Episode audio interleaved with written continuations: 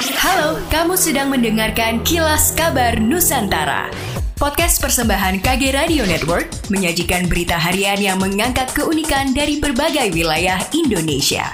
Kilas Kabar Nusantara dapat juga didukung oleh pengiklan loh.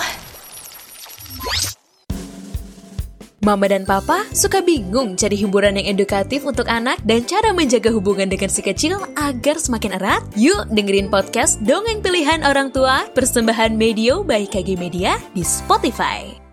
Sebanyak 480 bangunan di kota Makassar mendapat teguran karena belum melakukan pembayaran retribusi izin mendirikan bangunan IMB. Kepala Dinas Penataan Ruang di Staru Kota Makassar, Fahyudin menyebut tunggakan retribusi bangunan tersebut mencapai 2 miliar rupiah. Pihaknya saat ini membentuk tim khusus untuk menagih ke tiap pemilik dan bertugas melakukan pengawasan di lapangan. Ratusan bangunan yang menunggak retribusi IMB didominasi rumah tinggal. Bahkan sebagian besar di antaranya sudah selesai dibangun. Bisaru mengaku telah berupaya melakukan pendekatan persuasif untuk menagih retribusi ke pemilik bangunan, namun hanya beberapa yang kemudian merespons dan menyelesaikan pembayaran tunggakan. Fahyudin menyebut belum menetapkan sanksi khusus bagi mereka yang menunggak pembayaran retribusi IMB, pihaknya masih akan melakukan kajian regulasi. Dia mengatakan tunggakan retribusi IMB ini mempengaruhi pendapatan, di Saru Makassar punya target PAD 100 miliar tahun ini, namun baru terrealisasi 10 miliar hingga Juni 2022 ini.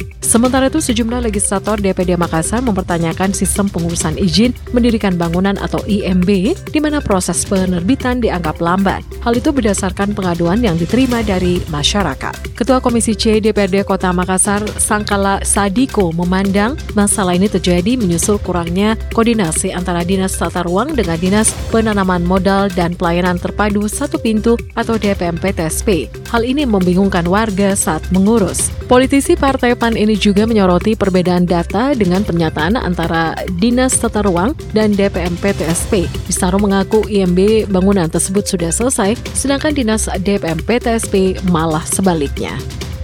Sebagai upaya memakmurkan masjid-masjid, pemerintah kota Palembang akan kembali menggelorakan sholat subuh berjamaah di 107 kelurahan kota Palembang bersama 600 ustadz dan juga berbagi paket sembako bersama 11.000 ASN. Hal itu diungkapkan Wali Kota Palembang Haji Harno Joyo ketika diwawancarai hari Jumat 24 Juni. Ia mengatakan kegiatan sholat subuh berjamaah merupakan rutinitas yang digiatkan pemerintah kota Palembang dalam upaya memakmurkan masjid dan membangun silaturahmi dengan masyarakat. Namun kegiatan ini sebelumnya sempat terhenti akibat COVID-19. Dijelaskannya, selain sholat subuh berjamaah, pihaknya juga akan melakukan sedekah subuh, yakni gerakan sedekah subuh dan berbagi paket sembako bersama 11.000 ASN Kota Palembang, yang mana uang hasil sedekah akan dikelola Badan Amil Zakat Nasional atau Basnas Kota Palembang.